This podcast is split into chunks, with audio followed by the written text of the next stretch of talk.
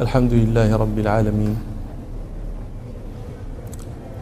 والصلاة والسلام على أشرف الأنبياء والمرسلين سيدنا محمد وعلى آله وأصحابه أجمعين.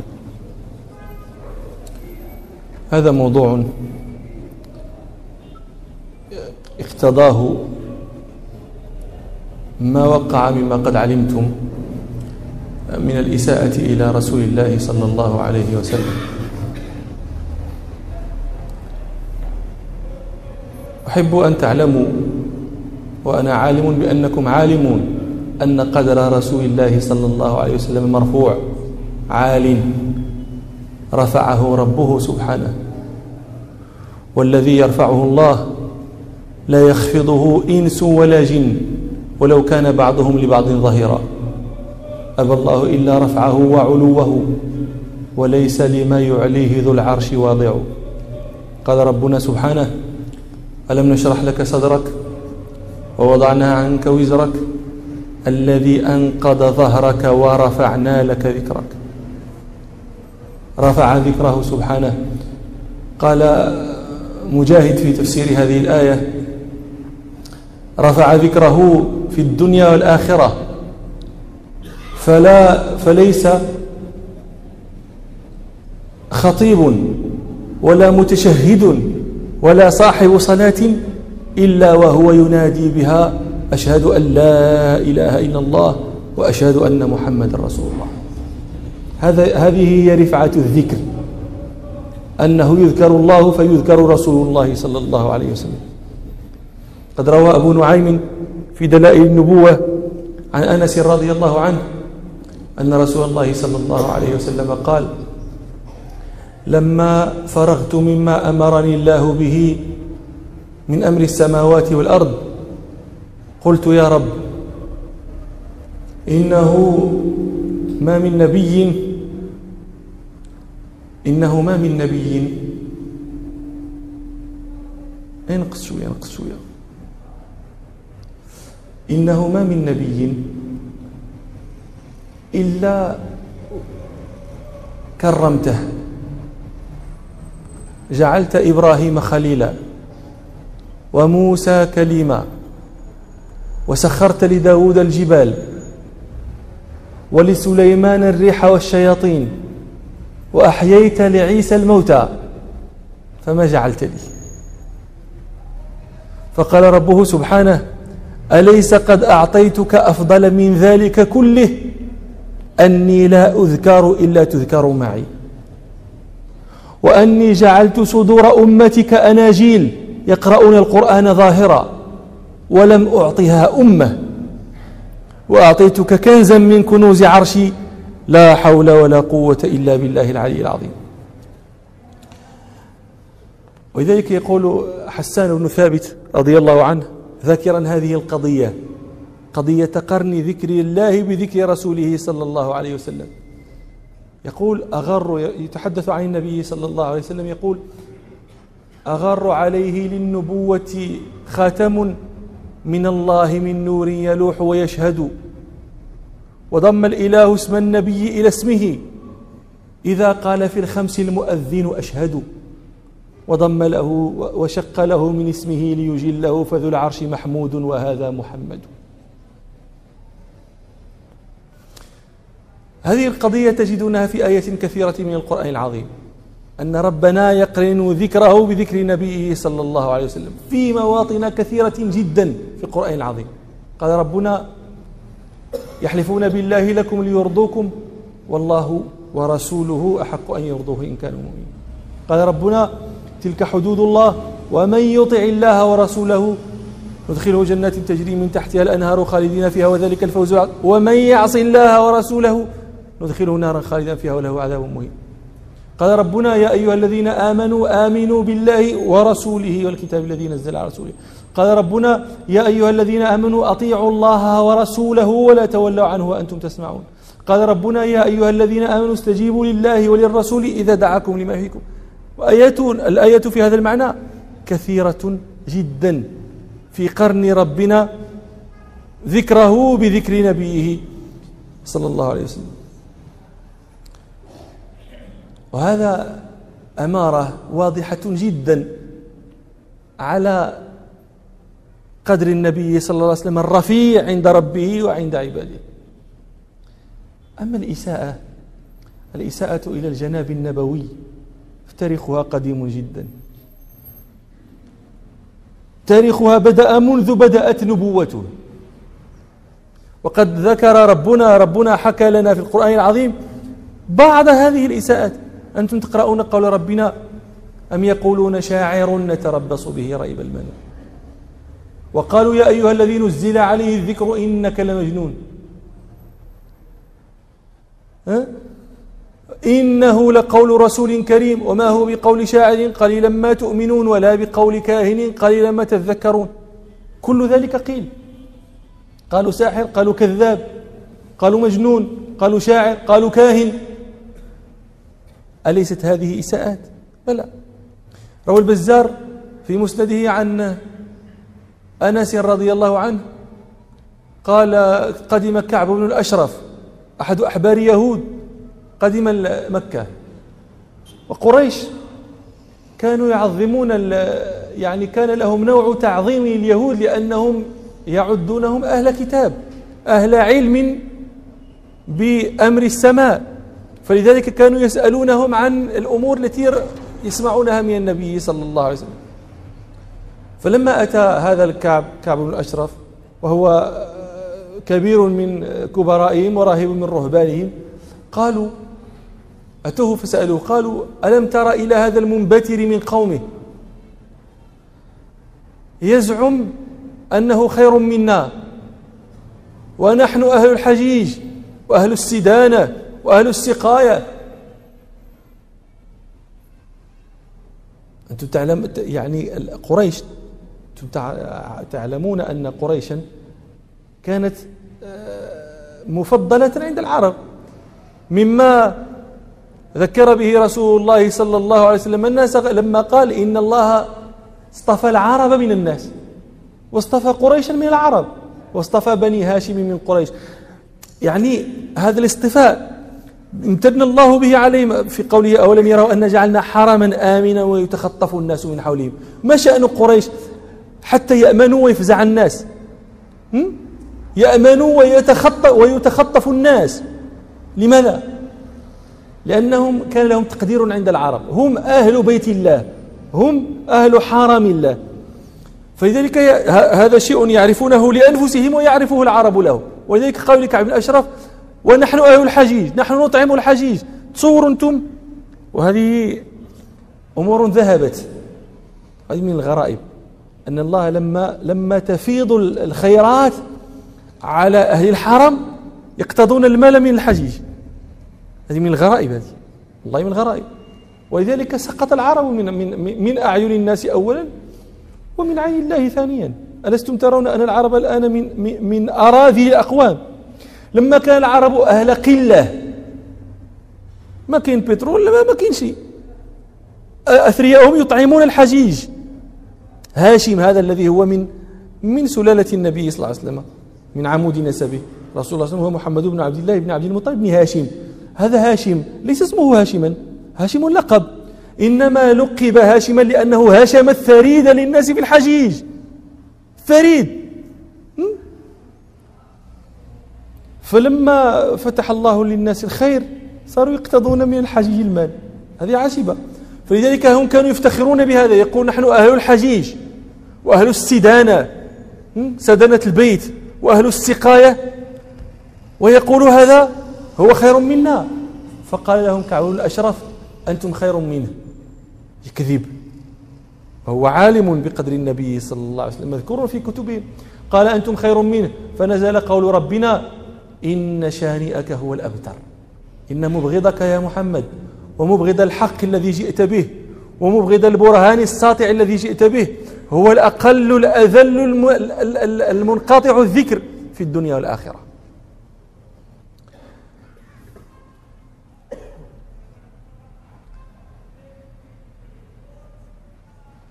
كانت قريش تسب رسول الله صلى الله عليه وسلم وتشتمه. وكان ربه سبحانه يصرف عنه. شتمهم ولعنهم روى الشيخان روى البخاري عن أبي هريرة رضي الله عنه أن رسول الله صلى الله عليه وسلم قال ألا تعجبون لقريش؟ ألا تعجبون كيف يصرف الله عني شتم قريش ولعنهم؟ يشتمون مذمما ويلعنون مذمما وأنا محمد. قريش أهل لغة. محمد هذا من صيغ المبالغة في في التحميد. أنت إذا حمدت إنسانا إذا أتاك إذا أتاك إنسان بما بما تحمده وتثني عليه ماذا تقول؟ تحمده. فنقول هذاك محمود لأنه وقع عليه الحمد. لكن إذا كثر الحامدون له لا تلقى إنسانا إلا وهو يحمده. أنت حينئذ لا تقول هذا محمود. لأنك تريد أن تظهر هذه المبالغة في الحمد لله. فتقول محمد. هم؟ على وزان محمد صاغوا مذمما كأنه كأنك لا تلقى إنسانا إلا وهو ذام له. فيشتمون مذمما ويلعنون مذمما ويقول النبي صلى الله عليه وسلم أنا لست مذمما أنا محمد. وهذا الصرف الذي يصرفه الله عنه مصداق لما قال الله تعالى له والله يعصمك من الناس. يا أيها الرسول بلغ ما أنزل إليك من ربك وإن لم, وإن لم تفعل فما بلغت رسالاته والله يعصمك من الناس. يقول الله تعالى له إنا كفيناك المستهزئين. الله تعالى كفاه المستهزئ. هذا من الكفاية. من الكفاية أيضا ما راه الحاكم في المستدرك عن أسماء بنت أبي بكر رضي الله عنها. قالت لما نزلت تبت يدا أبي لهب وتب قالت جاءت الحولاء آه، زوجة أبي لهب امرأة أبي لهب مذكورة وامرأته حمالة الحطب. جاءت ولها ولولة وفي يدها فهر حجر. وتقول وهي تقول مذمما أبينا ودينه قلينا وأمره عصينا. تبحث عن النبي صلى الله عليه وسلم. ورسول الله صلى الله عليه وسلم في المسجد مع أبي بكر. فرآها أبو بكر مقبلة فقال للنبي صلى الله عليه وسلم يا رسول الله إنها آتية وأنا أخافها عليك. فقال, لا فقال له رسول الله صلى الله عليه وسلم لن تراني. ثم قرأ رسول الله صلى الله عليه وسلم قرآنا يعتصم به كما قال وإذا قرأت القرآن جعلنا بينك وبين الذين لا يؤمنون بالآخرة حجابا مستورا. فوقفت على أبي بكر والنبي صلى الله عليه وسلم بجانبه وهي لا تراه. وقالت له يا أبا بكر قد بلغني أن صاحبك هجاني. فقال أبو بكر لا ورب هذا هذا البيت ما هجاك وطبعا هو ليس بهجاء هذا قرآن. وكان أبو بكر مصدقا عند الناس. قالت فانصرفت وهي تقول قد علمت قريش أني بنت سيدها. هذا من الكفاية من كفاية الله لنبيه صلى الله عليه وسلم. ثم دار الزمن دورته. ما يمر على الناس قرن بل لا يمر عليهم جيل إلا وفي الناس من يسيء إليه صلى الله عليه وسلم. هؤلاء الذين ظهرت إساءتهم للنبي صلى الله عليه وسلم وظهر بغضهم للنبي صلى الله عليه وسلم وحقدهم عليه. قد حدثنا الله عنهم وعن أمثالهم. قال ربنا سبحانه يريدون أن يطفئوا نور الله بأفواههم ويأبى الله إلا أن يتم نوره ولو كره الكافرون. هو الذي أرسل رسوله بالهدى ودين الحق ليظهره على الدين كله ولو كره المشركون. قال ربنا سبحانه يريدون ليطفئوا نور الله بأفواههم والله متم نوره ولو كره الكافرون هو الذي أرسل رسوله بالهدى ودين الحق ليظهره على الدين كله ولو كره المشركون. فهذا شيء معروف سنة ثابتة. لكن عادة الله في متنقص نبيه معروفة. من آذى الله من آذى نبي الله صلى الله عليه وسلم انتقم الله منه. قديما وحديثا. في التاريخ القديم وفي التاريخ القريب إلينا. رسول الله صلى الله عليه وسلم بعث عبد الله بن حذافة السهمي بكتاب له إلى كسرى. قال عبد الله بن حذافة فقدمت على كسرى فأعطيته الكتاب فقرئ عليه. وش فيه؟ من محمد بن عبد الله من محمد رسول الله إلى كسرى عظيم الفرس. شو التعظيم؟ أسلم تسلم يؤتك الله أجرك كلام فيه خير فيه نصيحة فيه إرشاد. لا شتم فيه لا ذم فيه لا قدح فيه لا كافر لا كذا. فماذا كان من فعل كسرى؟ أخذ كتاب النبي صلى الله عليه وسلم فمزقه. فلما بلغ ذلك النبي صلى الله عليه وسلم قال اللهم مزق ملكه. ما الذي وقع؟ بعث كسرى إلى عامله في اليمن باذان. يقول له ابعث رجلين جلدين إلى هذا الرجل بالحجاز فلا يأتياني بأمره. بعث باذان برجلين إلى النبي صلى الله عليه وسلم ومعهما كتاب. فأتي النبي صلى الله عليه وسلم إلى المدينة.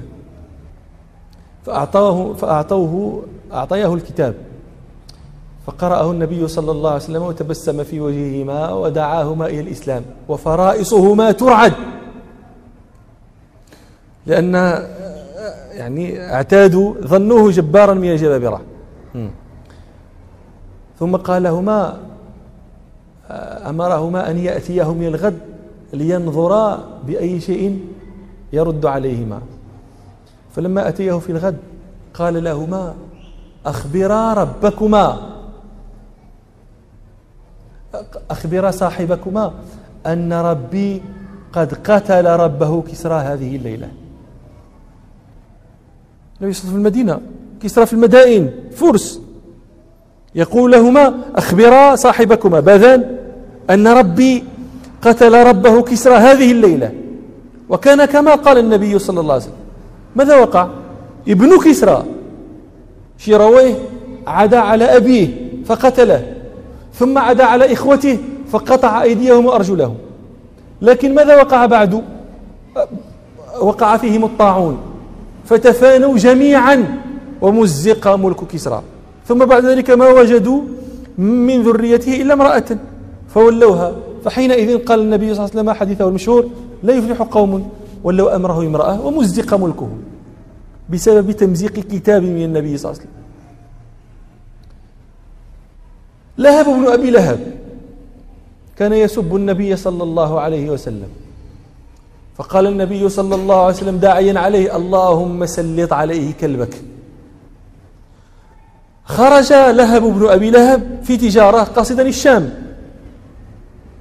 أوهم الليل يعني في موضع احتاجوا أن يناموا فيه. فقال لهب هذا إني أخاف دعوة محمد. فماذا فعل أصحابه؟ أحاطوه بأمتعتهم وقعدوا يحرسونه. في رواية الحاكم لهذا الحديث قالوا فجاء الأسد فجاوزهم وجاوز أمتعتهم إليه وأخذه وانتهزه وذهب به وقتله.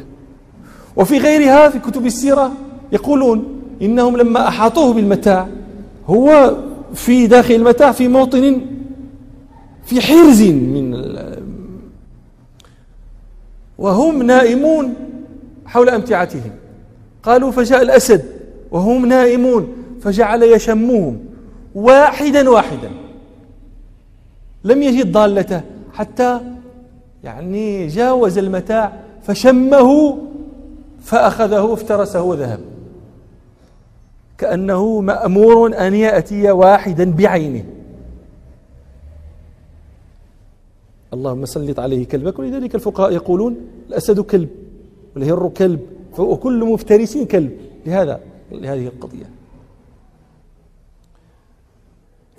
هذا عامر بن الطفيل هذا كان أحد شياطين العرب هو صاحب بئر معونة الذي قتل السبعين من القراء آه، غدرا قضيته معروفة قضية أصحاب بئر معونة. هذا أراد أن يقتل النبي صلى الله عليه وسلم هو شيطان مثله يقال له أربد بن قيس. واتفقا على قتل النبي صلى الله عليه وسلم. ولكن الله تعالى نجى نبيه وكفاه آه، مكرهم في عودته من المدينة. ما الذي وقع؟ أرسل الله تعالى صاعقة على أربد أحرقته وجمله. وأصاب هذا عامر بن الطفيل أصابته غدة في في نحره.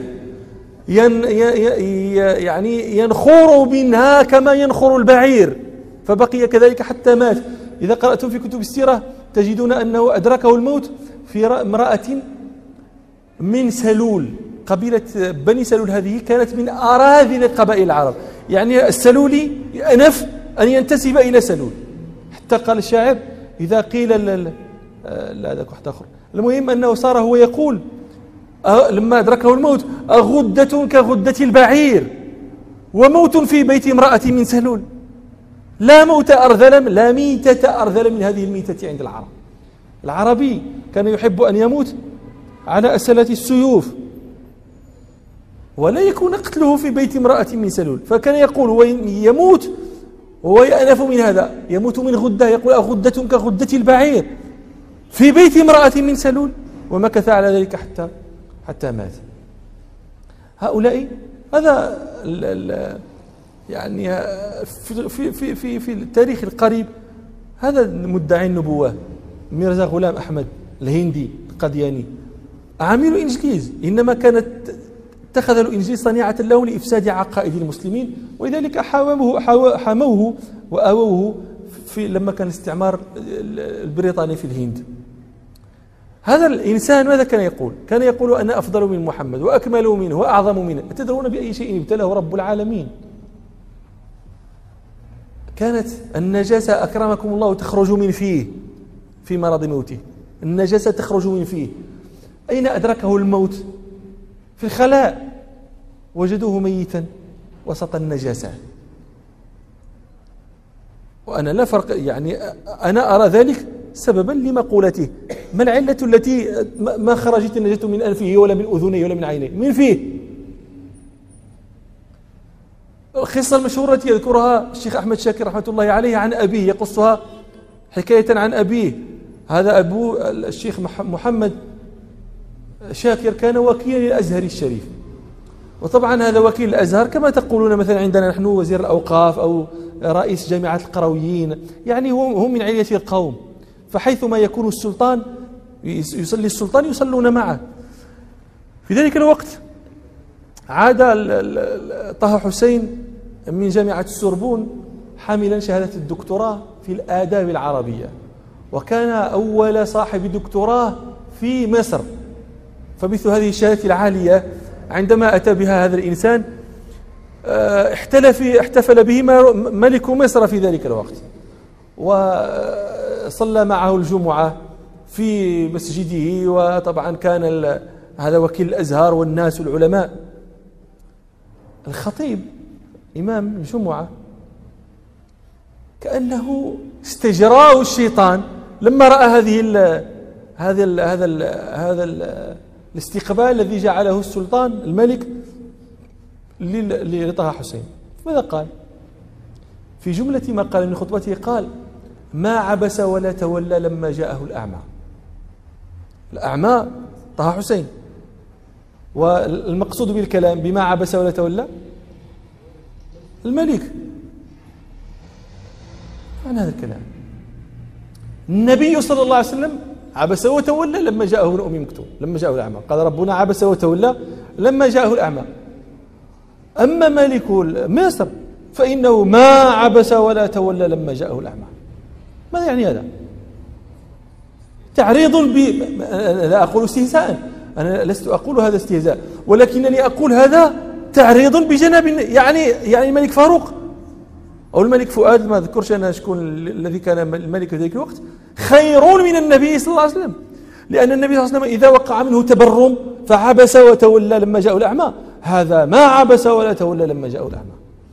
فقام بعد ذلك الشيخ هذا وكيل الأزهر مناديا في الناس يقول أعيدوا صلاتكم فإن الإمام قد كفر كيفاش كفر وطبعا قام له الناس لم يوافقوه. كثير من الناس لم يوافقوا كيفاش أنت وانت كذا وانت كذا وانت كذا.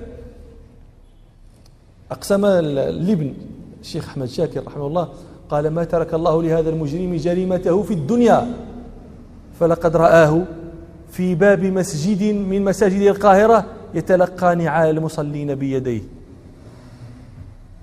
بعد أن كان يخطب بالملك ويصلي به صار يتلقى نعال المصلين على أبواب المساجد. لهذه الكلمة. ولذلك كانت كانت الناس تقول في الجاهلية ولا دين. مقتل الرجل بين فكيه. مقتل الرجل بين فكيه. وكانوا يقولون وقد آه، جراحات السنان لها التئام ولا يلتام ما جرح اللسان. لا يلتام لا برأ منه. وكانوا يقولون الكلام ينفذ ما لا تنفذ الإبر. تأخذ الإبرة على دقتها فتراها تنفذ نفاذا يعني. ولكن الكلام أنفذ منها. هذا مصداقه. هذا طبعا نحن قلنا إن هذه عادة من الله سبحانه جرت. في هتك متنقص نبيه صلى الله عليه وسلم. وهذا في الدنيا مع سوء المنقلب نسأل الله العافية مع سوء المنقلب في الآخرة لمن لم يتب. روى مسلم في صحيحه عن عائشة رضي الله عنها قالت قدم النبي صلى الله عليه وسلم لخمس لأربع مضين من ذي الحجة من ذي الحجة أو خمس مضين. تقصد في حجة الوداع. ففي يوم من تلك الأيام دخل عليها النبي صلى الله عليه وسلم وهو غضبان. هي لا تدري سبب غضبه. لكن ماذا قالت؟ قالت يا رسول الله من أغضبك يا رسول الله أدخله الله النار. مقرر عندها هل قال لها النبي صلى الله عليه وسلم أين لك هذا؟ وكيف تقولين؟ وكيف تجرؤين؟ وكيف تت... لما لم ينكر عليها ما قالت دل على أن ما قالت حق وصدق وأن الذي يغضبه صلى الله عليه وسلم يدخله الله النار. طبعا إذا لم يتب ما سبب غضبه؟ قال لها أرأيت أني أمرت الناس بأمر فإذا هم فيه يترددون. أنا أسألكم لو بعث النبي صلى الله عليه وسلم فرأى ما الناس فيه؟ كم منا يكون مهددا بدخول النار؟ ماذا قال النبي صلى الله عليه وسلم يا عائشة؟ أمرت الناس بأمر فإذا هم فيه يترددون. ولم يقل يعصون وينبذون ويجحد لا لا يترددون. فغضب من أنهم يترددون فيما أمر به. قالت من أغضبك أدخله الله النار. في الدنيا له سوء ينقلب منقلب سوء وفي الآخرة إذا لم يتب الله عليه يكون مصيره النار. بل إن عائشة رضي الله عنها لاحظت شيئا عجيبا. وهو أنه لا يهوى النبي صلى الله عليه وسلم شيئا إلا وآتاه وآتاه ربه فيه. النبي صلى الله عليه وسلم يريد شيئا يحب شيئا يؤتيه الله إياه.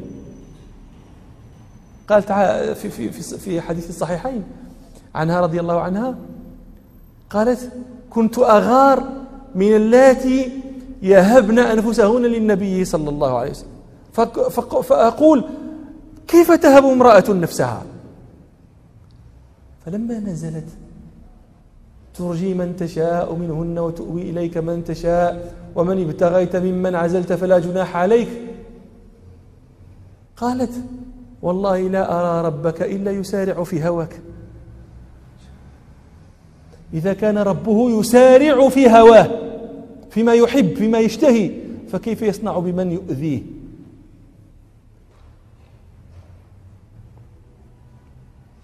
لكن أنا السؤال عندي الآن السؤال الذي يساق إليه الكلام كله. نحن قلنا إن الإساءة إلى النبي صلى الله عليه وسلم إساءة قديمة. ما تركوا شيئا إلا وقالوه؟ وثم الحرب الإعلامية كانت أيضا بوسائل الوقت. كانوا يأتون في مجتمعات الناس في أسواق الناس حيث يجتمعون ويرسلون الأقاويل عن النبي صلى الله عليه وسلم. النبي صلى الله عليه وسلم في سوق عكاظ. يدعو إلى الله وخلفه عمه أبو لهب. يحث التراب على رأسه ويقول إنه كذاب. هذاك غادي النبي صلى الله عليه وسلم غادي في الناس. يأمر بعبادة الله ويدعوهم إلى توحيد الله. وذاك عمه أقرب الناس إليه يحث التراب على رأسه ويقول هو كذاب. فمن لا يعرف النبي صلى الله عليه وسلم يقول من ذاك؟ يقول رجل يقول أنا نبي. والذي آه، ويقول من خلفه؟ يقول عمه. فماذا يقول الناس؟ يقول الناس أدرى الناس به عمه. أدرى الناس به عمه. يقول كذاب إذا هو كذاب. ما صنعوا ما تركوا شيء. لما عجزت قريش استعانت بالأحزاب استعانت باليهود على على نشر القالة على نشر الصورة السيئة عن محمد وأصحابه لئلا يدخل في هذا الدين. هل وقع ذلك؟ هل نفر الناس من الدين؟ ألستم تعجبون إلى وجود الإساءة ووجود دخول الناس في الدين أفواجا؟ إذا ليست الإساءة إلى النبي صلى الله عليه وسلم مما يخاف منه على انتشار هذا الدين. لا. الإساءة كانت في كل وقت. وكانت الناس تدخل في دين الله. حتى امتن الله تعالى على على هذه على النبي صلى الله عليه وسلم. إذا جاء نصر الله والفتح ورأيت الناس يدخلون في دين الله أفواجا. مش من واحد من واحد بجوج. بجوج بالأفواج يدخلون. مع وجود الإساءة. إذا فليست الإساءة هي هي التي تخوفني على الدين. أتدرون ما الذي يخوفني على الدين؟ أتدرون ما الذي يجعل الناس تصد عن دين الله؟ هم أهله هم أهل هذا الدين. هم أهله هم المسلمون. المسلمون الذين لا يصلون ويسكرون ويزنون. الذين لا يدعون أمرا حرمه الله إلا وأتوه. حرم الله الربا أتوه. حرم الله الخمر شربوها. حرم الله العقوق فعلوه. هؤلاء هم الذين يصدون الناس عن الإسلام وينفرون الناس عن الإسلام. المصلون الذين إذا ذكر لهم شيء من أمور النبي صلى الله عليه وسلم كان أحسنهم طريقة يقول هذه سنة. ما معنى غي سنة؟ يعني ليس عليك أن تتركها لا حرج عليك في تركها. علاش؟ غي سنة. سنة من؟ هي سنة من؟ بل نزغ الشيطان بين من أراد سلوك الطريق المستقيم. من من تزو تزيي تزيوا بزي السنة وبزي الالتزام وبزي هؤلاء أيضا كانوا من أسباب تنفير الناس من المسلمين. كنت في مكة. شاب فرنسي حديث عهد بالإسلام. ويقول لك أنا الشيخ الفلاني أنا من الشيخ الفلاني واصحاب فلان وكذا هذا انت انت الآن أنت لا تقيم العربية الفاتحة التي لا تصح بها صلاتك. لا زلت لا تحسن النطق بها. ودخلت في المشاكل. كنت في ألمانيا. بولوني بولوني شاب. الآن حديث عهد بالإسلام. الآن دخل الإسلام.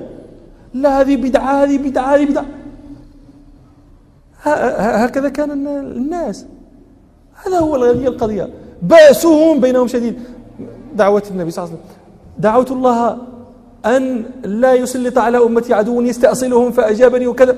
ودعوته أن لا يجعل بي بأسهم بينهم فلم يجيبني إليها. بأس الناس بينهم. حتى أولئك الذين يعني ينتظر منهم. النصر يأتيك من جهتهم الخذلان.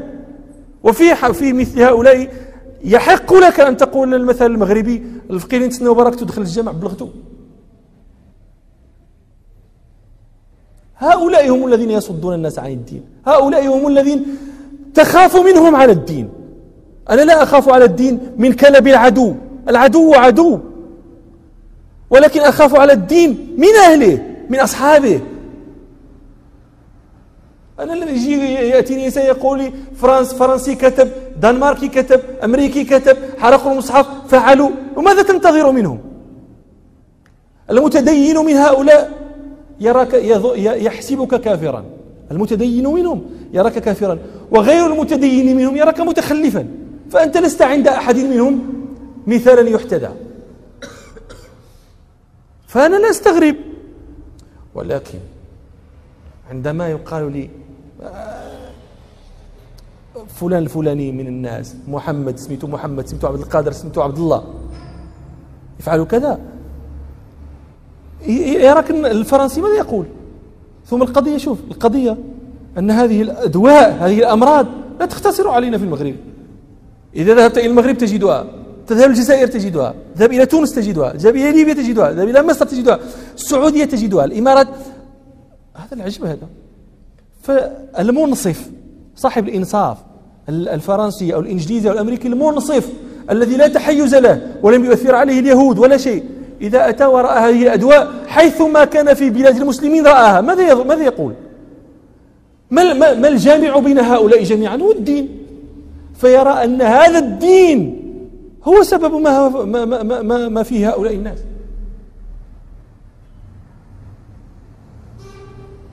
الذين أسلموا منهم لم يكن إسلامهم بسبب مسلم. إنما كانت نعمة الله عليهم بسبب لم يدخل فيه مسلمون. هذا هو المشكل هذا هو القضية التي تخافون هذه هي الإساءة في الحقيقة. إساءة النبي صلى الله عليه وسلم هي هذه. ألم يقل النبي صلى الله عليه وسلم لمعاذ لما أراد أن ينفر أعرابيا. أعرابي أعرابي. شنو أعرابي؟ يعني من, من الأعراب أنتم يعني أهل غلظة أهل جفاء. والنبي صلى الله عليه وسلم يقول إن منكم لفتانون. إن منكم لفتانون. علاش؟ لأنه طول به الصلاة النبي صلى الله عليه وسلم هو من معاذ؟ معاذ بن جبل. من خيرة أصحاب النبي صلى الله عليه وسلم من فقهائهم. والنبي صلى الله عليه وسلم يتكلم مع هذا الكلام القوي الكلام المفزع. إن منكم ويقول أنت فتان يا معاذ تفتن تفتن بغيت تفتن الناس. علاش؟ أعرابي أطال أطال به في الصلاة. في الصلاة. واش واش يتقال الآن؟ ماذا يقال الآن؟ القضية خطيرة. وثم أذكر لكم الخطورة فيها. أن الشيطان يلبسها لبوس الدين. فيظن الظان أنه ينتصر هكذا لدين محمد صلى الله عليه وسلم. كيف واش دين محمد على هذه الطريقة على هذه الشاكلة يدين به إنسان واحد؟ جوج ثلاثة. والناس كلها تنفير. كل الناس تنفير. وأنت تقول أنت فرحان. أنت لا تفرح. إذا أدخلت إنسان إنما تفرح. إذا إذا فر. لأنك تقول أقامت عليه الحجة. ومن أقامك لتقيم عليه الحجة. ولذلك قال ابن القيم رحمه الله وأكثر الناس لا يكشف عنهم الحجاب إلا في الغرغرة. عندما تحشرج النفس في الصدر في الغرغرة حينئذ يرى أن ما كان فيه كان في لعب. ولذلك نقول لا, لا نفتأ نقول أيها الناس من, من, من أراد أن ينتصر للنبي صلى الله عليه وسلم فعليه بما كان النبي صلى الله عليه وسلم يأمر به. وأول ذلك كتاب الله. أول ذلك كتاب الله. اعتنوا بكتاب الله. احفظوه وحفظوه أبناءكم. إنسان أربعين سنة خمسين سنة وما يحفظش نص حزب ستين. النصف من يعني لا يستطيع أن يقول يعني يقرأ من من قول ربنا آه، والضحى والليل إذا سجى. ما يقدرش. ما يقدرش. يغلط في العادية ضبحان يغلط فيها. شيبته في الإسلام حزب ما تحفظوش. وتقول أنا أغار على النبي صلى الله عليه وسلم. تتكذب أنت تتكذب كيف تغار؟ تغار غيرة النساء. ألا ما بغيتوش يهضر عليه خايب. أنت شيء شيء يذكر من الطرائف. كان رجل ممن سمعناه هذا كان رجلا عاميا أميا لا يقرأ ولا يكتب ولكنه كان شغوفا بالقرآن العظيم ولا سيما بسورة يوسف. فكان يحب أن يسمعها تتلى. في يوم ما قال لأحدهم اقرأ عليه سورة يوسف. هذاك الذي يقرأها لا يعرف تجويدا ولا ترتيلا وكذا ولا يحفظها حفظا متقنا فيخطئ فيها وكذا. ثم هو أيضا يريد أن يتعالم. فالتفت إلى قرأها ثم التفت إلى ذلك الشيخ العامي وقال له آه، شتي هذا خوت يوسف شنو داروا ليوسف؟ رموه في البير وداروا له وفعلوا شتي. فسمعه عالم العلماء فقال داك الشيء اللي درتي أنت لخوت يوسف أكثر من اللي داروا ليه داك الشيء درتي أنت ليوسف أكثر من داروا ليه خوتو فالذي يريد النصرة للنبي صلى الله عليه وسلم ينصر ما كان عليه النبي صلى الله عليه وسلم. القضية ثم أقول لكم أيها الناس ونحن في زمن اقتصرت فيه اقتصرت فيه الأمور على المظهر مظهر النبي صلى الله عليه وسلم. كأن من ظهر في مظهر يرى أنه هو مظهر النبي صلى الله عليه وسلم فهو آه، انتصر للنبي صلى الله عليه وسلم.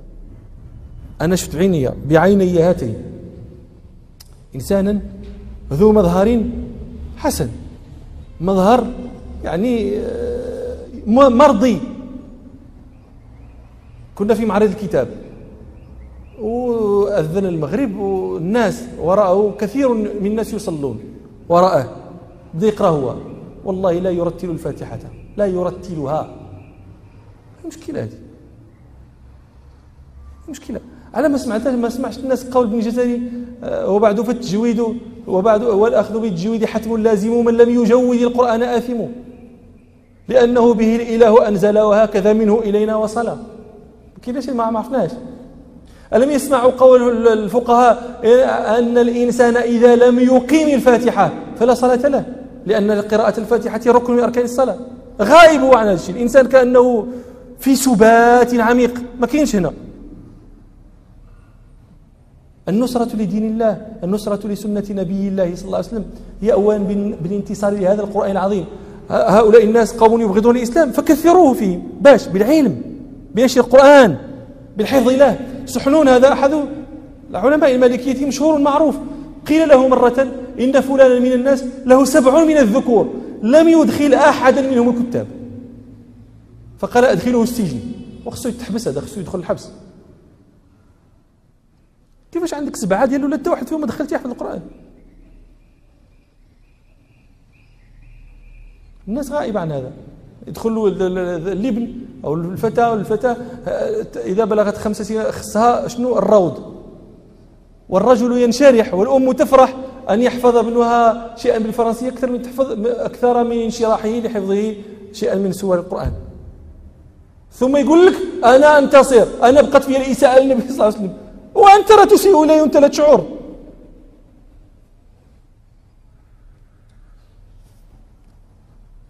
ولذلك كانوا كانوا يقولون إن دام هذا ولم يحدث له غيار. لم يبكى ميت ولم يفرح بمولود. والله أعلم. سبحانك اللهم وبحمدك أشهد أن لا إله إلا أنت أستغفرك وأتوب إليك. الحمد لله رب العالمين.